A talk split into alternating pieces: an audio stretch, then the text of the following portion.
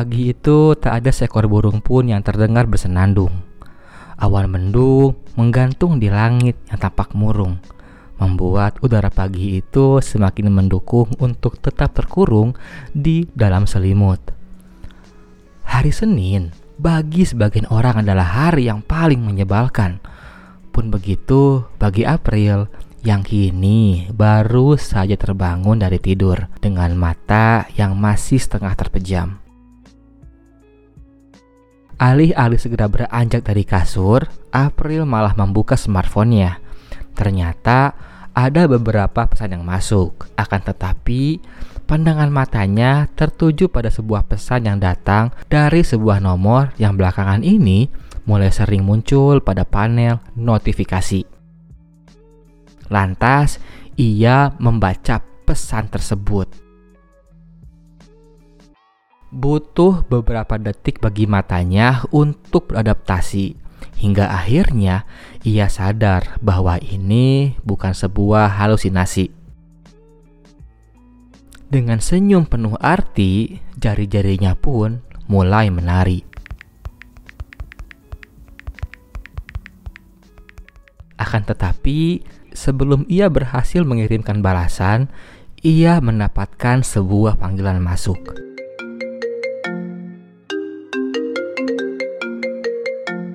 Halo? Iya, iya bentar. April membuka gorden yang ada di kamarnya. Lantas, ia pun melihat sebuah pemandangan di balik jendelanya yang menimbulkan sebuah perasaan yang berkecamuk di dalam dadanya. Ini aku baru mau mandi. Tunggu setengah jam lagi ya. Kamu tahu kan, mandi aku kayak kadal. Ucap April berkelakar. Setelah itu, ia segera menutup gorden kamarnya dan pergi bergegas mandi.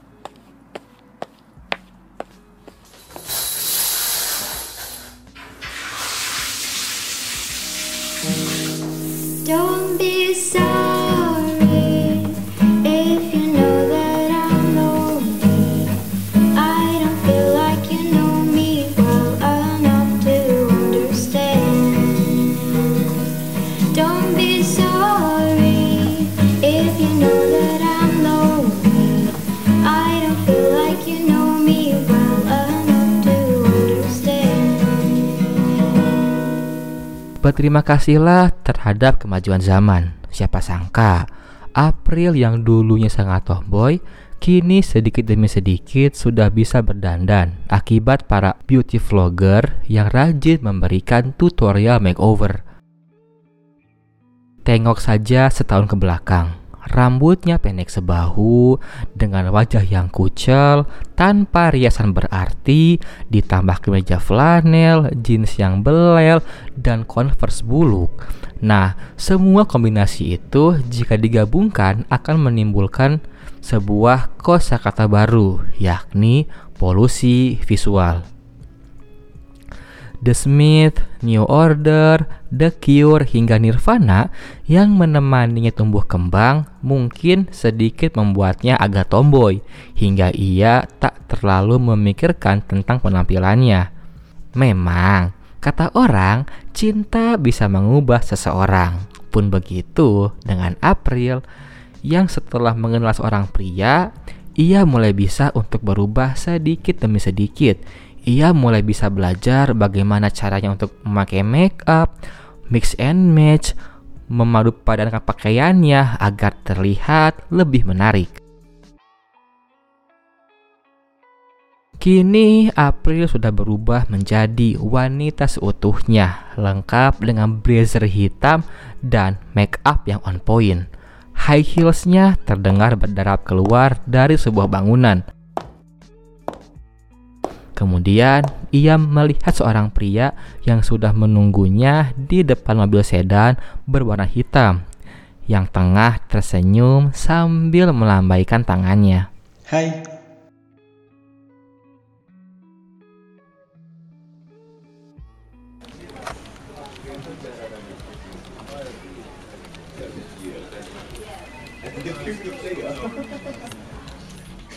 Gus, Gue cinta sama rambut hitam yang sebahu itu.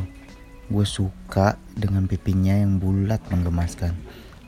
Bahkan gue luluh dengan tawa sinis jahatnya. Masokis lu. Senin pagi yang muram ini adalah hari pertama Juni kembali bekerja. Setelah beberapa minggu ia menjalani work from home, di mana bagi dirinya itu seperti neraka. Bayangkan saja uang di dalam dompetnya yang hanya tinggal dua lembar kertas berwarna merah yang bergambarkan dua orang proklamator. Bagaimana dengan rekeningnya? Oh, tenang saja. Di sana penuh sesak oleh sarang laba-laba.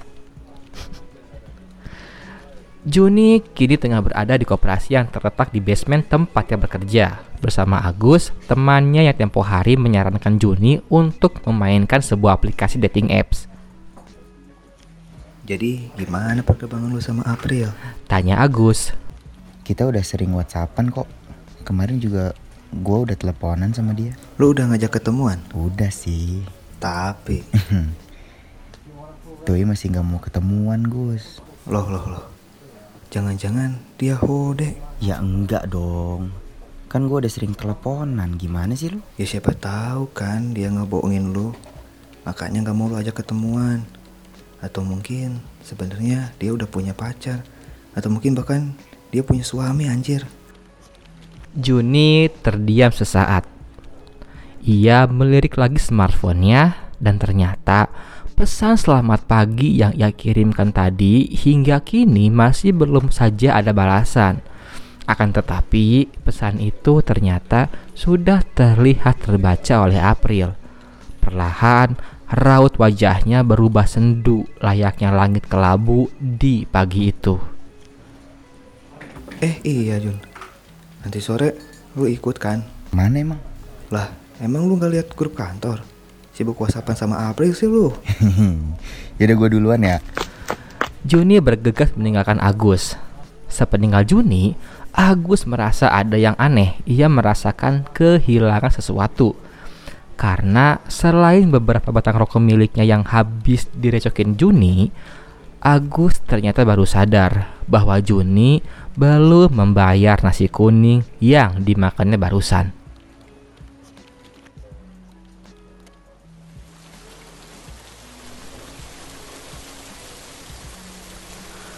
Awan mendung yang sedari pagi bergelayut kini mulai menumpahkan isinya. Tetesan demi tetesan hujan mulai turun. Di sebuah lobi, April tampak menyilangkan lengannya. Ada sedikit perasaan dingin yang ia rasakan di sore itu. Beberapa kali April melihat ke jam tangan yang melingkar di pergelangannya. April tampak seperti sedang menunggu seseorang. Tak berapa lama, sebuah mobil datang dan terparkir di depan lobi. Sebuah mobil berwarna hitam yang dimiliki oleh seorang pria yang tadi pagi menjemputnya. April segera bergegas menghampiri dan masuk ke dalam mobil tersebut. Sorry ya lama. Kamu tahu sendiri kan, kalau udah sore gini jalanan macet. I- iya, nggak apa-apa. Eh, aku lapar nih. Makan dulu yuk. Emang udah ada tempat makan yang buka ya? Aman, aman. Di dekat sini aku tahu kok di mana tempat yang udah buka. Yang penting protokol kesehatannya tetap dijaga. Maskermu tuh jangan lupa dipakai. April mengangguk.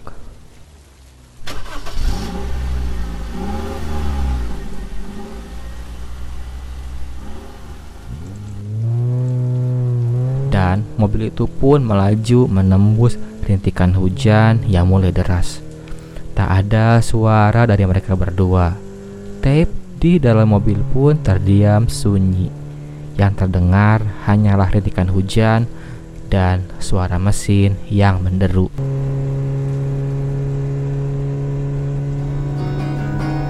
Take me out tonight.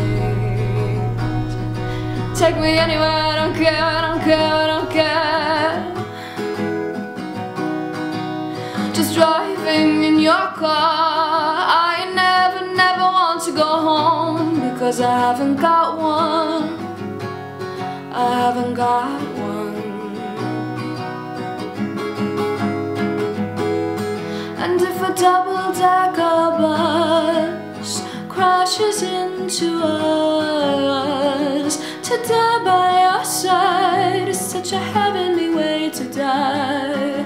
And if a 10 ton truck kills the both of us, to die by your side, well, the pleasure and the privilege is mine.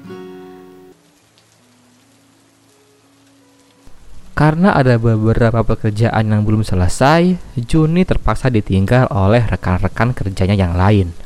Ia baru menyusul setelah hujan sudah cukup lebat. Setelah melihat lokasi yang di-share pada sebuah grup WhatsApp, Juni segera turun ke basement.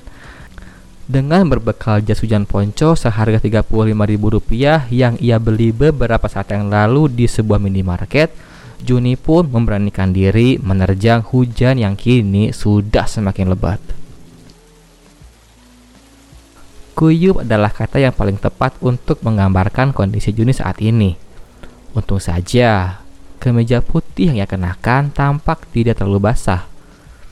Setelah menggantungkan jas hujan dan windbreaker di motor karisma tuanya, Juni mengganti sepatunya yang kini sudah terisi oleh air dengan sendal bermerek Swallow. Lantas, ia masuk ke tempat makan bersamaan dengan sepasang pria dan wanita. Juni masuk bersebelahan dengan sosok wanita yang mengenakan blazer hitam. Kedua mata mereka selama beberapa milisecond saling pandang. Juni terpaku berdiam diri. Sedang pasangan itu bergegas meninggalkan Juni yang mematung tanpa suara. Juni merasa familiar dengan gaya rambut yang dimiliki oleh wanita tersebut. Tapi karena wanita itu menggunakan masker, jadi Juni tak bisa mengenali siapa wanita tersebut.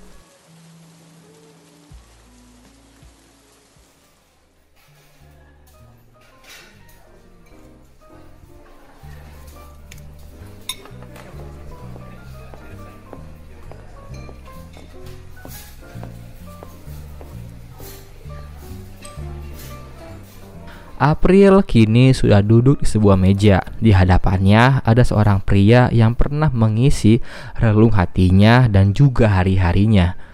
Seorang pria yang bisa mengubah sosok April yang tomboy menjadi sangat gerli seperti saat ini. Hmm, Jun, tumben kamu mau nganter jemput aku? Ada angin apa nih? Tanya April pada Juna. Sosok pria yang kini duduk di hadapannya. Mereka berdua tengah menunggu pesanan mereka datang. Hmm, angin apa ya? Angin musim timur kali. Emangnya aku salah ya? Kalau ngantar jemput mantanku sendiri.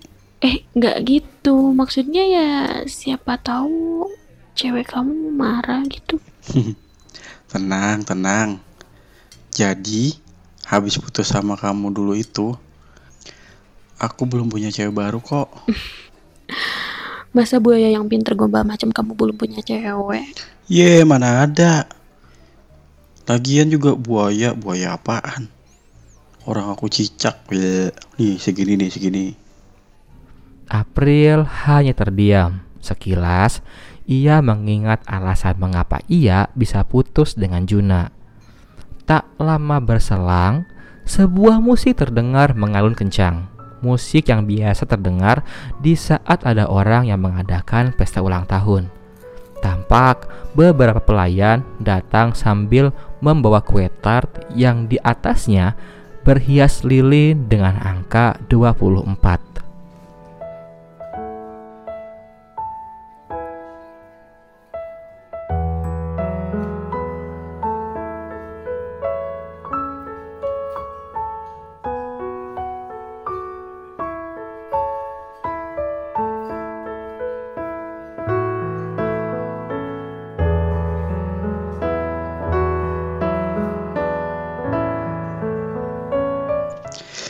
Birthday April.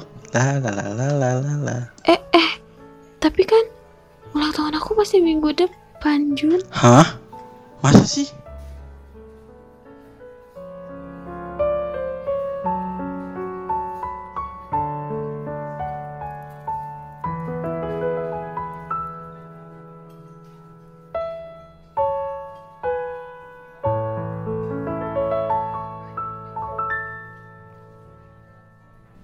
Alunan musik yang keras segera membuat seluruh pengunjung tempat tersebut melirik ke arah keramaian. Begitu pula dengan Juni, ia melirik ke pusat di mana semuanya bermuara. Sepasang muda-mudi yang tadi sempat berpapasan dengannya di pintu masuk. Yang kini duduk tak begitu jauh dari ia dan teman-temannya. Loh, itu kan April?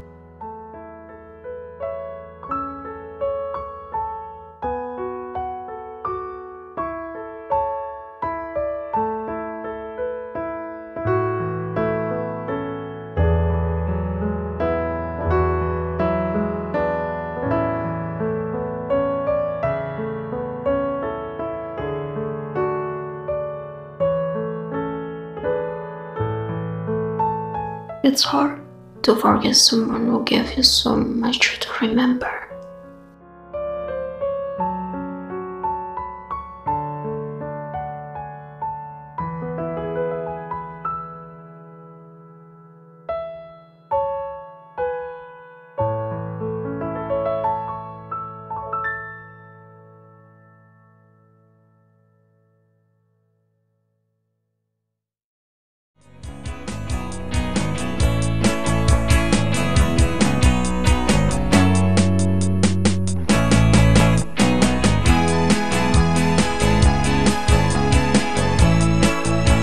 Terima kasih telah mendengarkan episode dari Monologotari Podcast. Masih di seri pertama yaitu Pluviophile Dan di fragmen pertama yaitu Coincidence.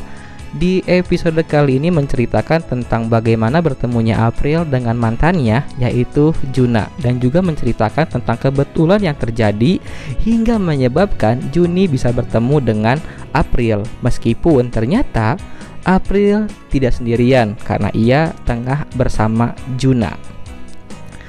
Terima kasih kepada para pengisi suara di episode kali ini. Ada Ambul sebagai Juna, ada Akmal sebagai Agus, ada Vian sebagai Juni, dan ada Nisa sebagai April.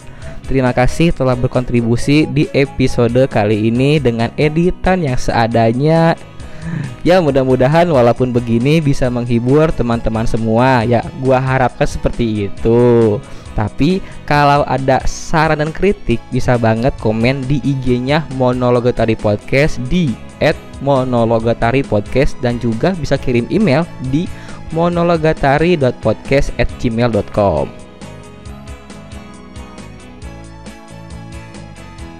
Rencana awalnya seri pertama ini yaitu Pluviophile akan menghabiskan sekitar 5 episode. Nah, berarti tinggal 3 episode lagi. Ya gua harapkan teman-teman semua tetap terhibur dengan episode-episode yang akan dihadirkan oleh Monolog Tari Podcast. Ya sekali lagi gua ucapkan terima kasih telah mendengarkan. Nama gua Elmo, sekian dan bye-bye.